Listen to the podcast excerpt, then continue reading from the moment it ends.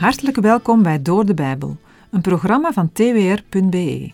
Met dit programma nemen we u in zo'n vijf jaar tijd mee door de ganse Bijbel. Welkom bij uitzending 727. Vandaag sluiten we de Filippenzenbrief af. We lezen zo dadelijk de laatste versen. Ik hoop dat u bemoedigd bent in de afgelopen dagen bij het overdenken van deze brief. De praktische lessen en het voorbeeld van Paulus uit deze brief kunnen ook in ons leven veel betekenen. Nu kijken we nog even terug naar de vorige studie. In vers 8 van Filippenzen 4 rondt Paulus zijn onderwijs af. Hij besluit met een aansporing om goede dingen te bedenken. Zijn opsomming in het vers is wel eens de kortste levensbeschrijving van de Heer Jezus genoemd. En inderdaad, wanneer we gaan denken op de manier die hier wordt genoemd, dan gaan we meer op Hem lijken. Ook in onze omgeving zal dat zichtbaar worden. Wanneer onze gedachten gericht zijn op Christus, kan de praktijk niet achterblijven. Paulus koppelt aan deze versen over denken en doen de belofte dat God van de vrede met ons zal zijn, als we zo leven. Vervolgens bedankt Paulus de Filippenzen voor hun gave. Hij is zich ervan bewust dat ze al langere tijd wat voor hem hadden willen doen, maar daar geen gelegenheid voor hadden. Dat kan zijn omdat ze geen middelen hadden, maar ook afstand kan een rol gespeeld hebben.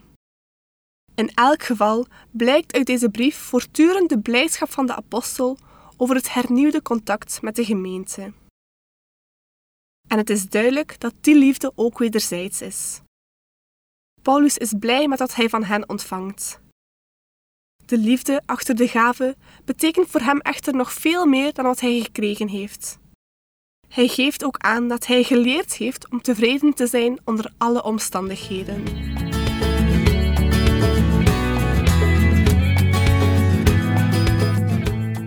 In deze uitzending bespreken we de laatste tien versen van de Filippenzenbrief. Maar eerst wil ik nog even terugkeren naar Filippenzen 4, vers 13, waar Paulus zei: Alle dingen zijn mij mogelijk door Christus, die mij kracht geeft. Sommige vertalingen geven de indruk dat Paulus zegt: Ik kan alles doen door Christus. Maar dat is enkel waar als Christus het wil. Christus is ook degene die door zijn Heilige Geest Paulus kracht gaf in moeilijke omstandigheden. Paulus ontving kracht in Christus, door zijn eenheid met de Heer. In de vorige uitzending gaf ik ook al aan dat dit vers soms tot misverstand leidt. Een gelovige kan alle dingen doen die de Heer hem of haar te doen geeft op deze aarde, omdat Christus hem of haar daartoe de kracht geeft. De Heer Jezus zegt in Johannes 15, vers 7: Als u in mij blijft en mijn woorden in u blijven, vraag wat u maar wilt en het zal u ten deel vallen. De andere kant van deze woorden is: als wij niet in Christus blijven en zijn woorden vergeten of naast ons neerleggen, dan geldt zijn belofte niet. Dan moeten er eerst andere dingen gebeuren, namelijk omkeren en terug naar de Heer Jezus gaan. Soms kan een mens ver van huis raken, ook in geestelijk opzicht. Maar de Heere staat op de uitkijk en wacht totdat wij terugkomen. We worden met dit vers niet aangespoord om onmogelijke dingen te doen in Jezus' naam, maar we mogen weten dat Hij ons in alle omstandigheden genade en kracht wil schenken om het onmogelijke te doen. Paulus heeft tijden van gebrek gekend en geleerd ook in die omstandigheden tevreden te zijn. Hij heeft vernedering en honger meegemaakt, maar hij weet ook wat het is om overvloed te hebben. Hij weet ook wat het is om onschuldig in de gevangenis te zitten. In al deze situaties heeft hij ervaren: alle dingen zijn mij mogelijk door Christus, die mij kracht geeft. Hij bedoelt dus dat hij het kon volhouden in alle situaties, in voorspoed en in tegenspoed, in rijkdom en in armoede, in overvloed en in gebrek, in tijden van vrede en in tijden van lijden. Niet uit eigen kracht, maar door de kracht die Christus hem gaf. Dat Christus Paulus kracht gaf, betekent niet dat hij tot alles in staat is of alles kan, maar het kennen van Christus gaf hem vreugde, vrede en blijdschap in alle omstandigheden. Wat een bemoedigende woorden ook voor ons. Hoe onze situatie ook is, hoe onze omstandigheden ook zijn, in Christus kunnen we het aan. Als we pijn hebben of als we verdrietig zijn, wil Hij ons troosten en kracht geven. Als we niet meer weten hoe het verder moet, wil Hij er zijn om ons te ondersteunen en de weg te wijzen. De boodschap van dit vers is dus dat Christus ons in alle situaties waarin we ons bevinden of waarin we nog terecht kunnen komen, zijn kracht, zijn bijstand wil schenken. Wat een troost en wat een bemoediging. Filippenzen 4, vers 14. Toch hebt u er goed aan gedaan dat u gedeeld hebt in mijn verdrukking. Alles wat de apostel tot nu toe heeft gezegd, doet niets af aan zijn dank voor de ontvangen ondersteuning. Door het sturen van Epaphroditus met de gift deelden de Filippenzen een Paulus nood en verdrukking. Door hun liefde en ondersteuning waren zij al medewerkers in de verkondiging van het evangelie en deelgenoten in de aan Paulus verleende genade om het evangelie voor de rechtbank te verdedigen. Nu zijn ze ook deelgenoten van de druk waaronder Paulus leeft. Daarbij moeten we denken aan alle moeite die de gevangenschap voor Paulus met zich meebracht, zoals het afhankelijk zijn van anderen voor voedsel, kleding, boeken en andere dingen. Door hun ondersteuning namen de Filippenzen een deel van deze druk weg en legden die als het ware op zichzelf. Het ondersteunen van een prediker van het evangelie betekent deel hebben aan zijn strijd, maar ook aan de resultaten en vruchten van zijn prediking.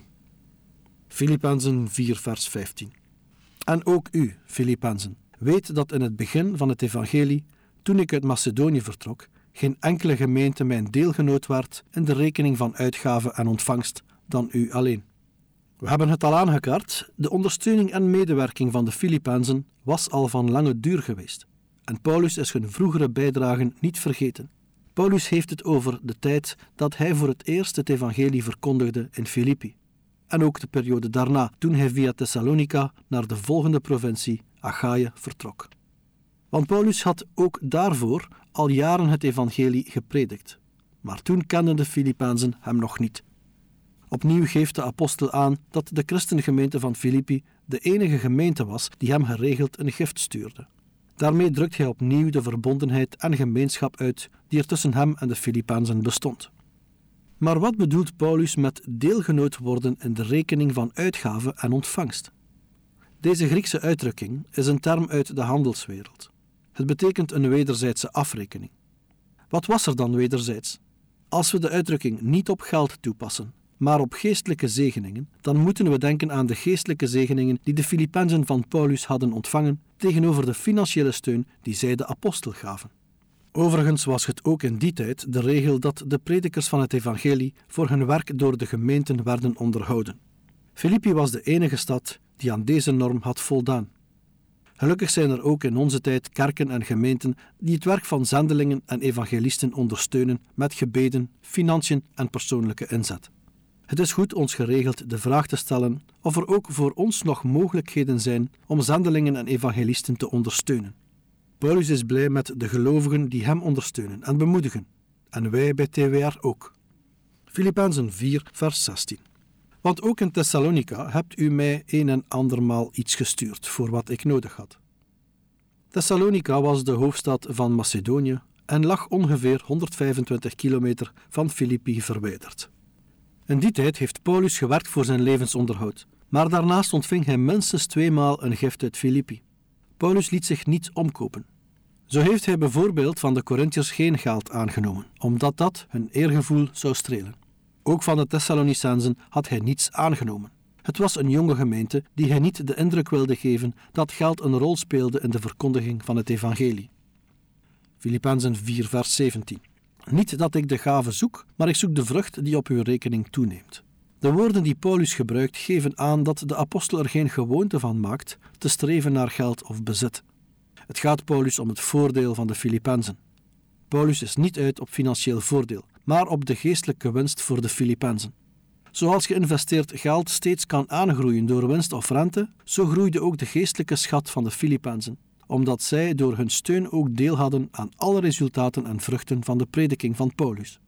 Bij de woorden van Paulus kunnen we ook denken aan de woorden van de Heer Jezus in Matthäus 6, versen 19 tot en met 21. Daar staat: Verzamel geen schatten voor u op de aarde, waar mot en roest ze verderven, en waar dieven inbreken en stelen. Maar verzamel schatten voor u in de hemel, waar geen mot of roest ze verderft, en waar dieven niet inbreken of stelen. Want waar uw schat is, daar zal ook uw hart zijn. Ook vandaag geldt dat een gave niet alleen tot nut is van de ontvanger, het betekent ook geestelijke vrucht voor de gever.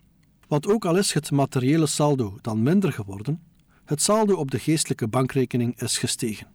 Het is een van de principes van Gods koninkrijk dat je van materieel geven geestelijk rijker wordt. In 2 Korinthe 9 vers 6 staat: En dit zeg ik: wie karig zaait, zal ook karig oogsten. En wie zegenrijk zaait, zal ook zegenrijk oogsten.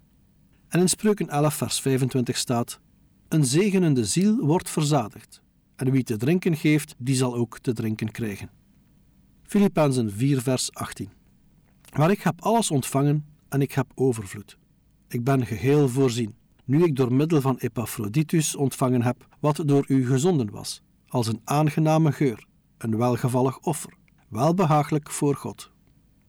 Paulus heeft meer dan genoeg ontvangen. Aan al zijn behoeften is voldaan door de gaven die Epaphroditus uit Filippi had meegebracht. Paulus gebruikt beeldspraak om dit te benadrukken. Hij schrijft dat de gaven een aangename geur, een welgevallig offer, welbehagelijk voor God zijn. Daarmee maakt de apostel duidelijk dat de Filippenzen met hun gaven niet zozeer hem hebben gediend, maar God zelf. Paulus gebruikt woorden uit de oud-testamentische offerdienst. Er wordt verwezen naar de geur van het brandoffer. Het is voor ons mensen moeilijk voor te stellen dat de geur van een brandend dier aangenaam is. In het Oude Testament had een offer voor God een aangename geur wanneer het goed was in zijn ogen. Zo is er bijvoorbeeld het offer van Noach na de zondvloed, waardoor de Heere besloot: Ik zal de aardbodem voortaan niet meer vervloeken vanwege de mens, en ik zal voortaan niet al het levende meer doden, zoals ik gedaan heb. Een ander voorbeeld vinden we in Exodus 29 bij de instructies voor de inwijding van Aaron en zijn zonen. Alleen die offers waren de Heere welgevallig, welke met de juiste instelling van het hart werden gebracht. Gelovigen moeten vandaag geen oud-testamentische offers meer brengen, maar wel offers die de Heere waardeert. Wat dat voor offers zijn, lezen we in Hebreeën 13, versen 15 en 16. Daar staat: Laten wij dan altijd door hem een lofoffer brengen aan God namelijk de vrucht van lippen die zijn naam beleiden. En vergeet het weldoen en het onderlinge hulp betoon niet, want aan zulke offers heeft God een welgevallen. Een andere aanwijzing vinden we in Romeinen 12, vers 1, waar Paulus schrijft: Ik roep u er dan toe op, broeders, door de ontfermingen van God, om uw lichamen aan God te wijden als een levend offer, heilig en voor God welbehagelijk. Dat is uw redelijke godsdienst. Maar dezelfde uitdrukking wordt ook in Efeze 5, versen 1 en 2 gebruikt, voor het offer van Christus aan het kruis. Daar staat: Wees dan navolgers van God, als geliefde kinderen, en wandel in de liefde, zoals ook Christus ons lief gehad heeft en zichzelf voor ons heeft overgegeven als een offergave en slachtoffer, tot een aangename geur voor God. Met het offer dat Jezus heeft gebracht is niet alleen voor onze zonde betaald, maar is er ook een einde gekomen aan het doden van onschuldige dieren. Johannes de Doper wees Jezus aan als het perfecte offer. Hij zei: Zie het Lam van God dat de zonde van de wereld wegneemt.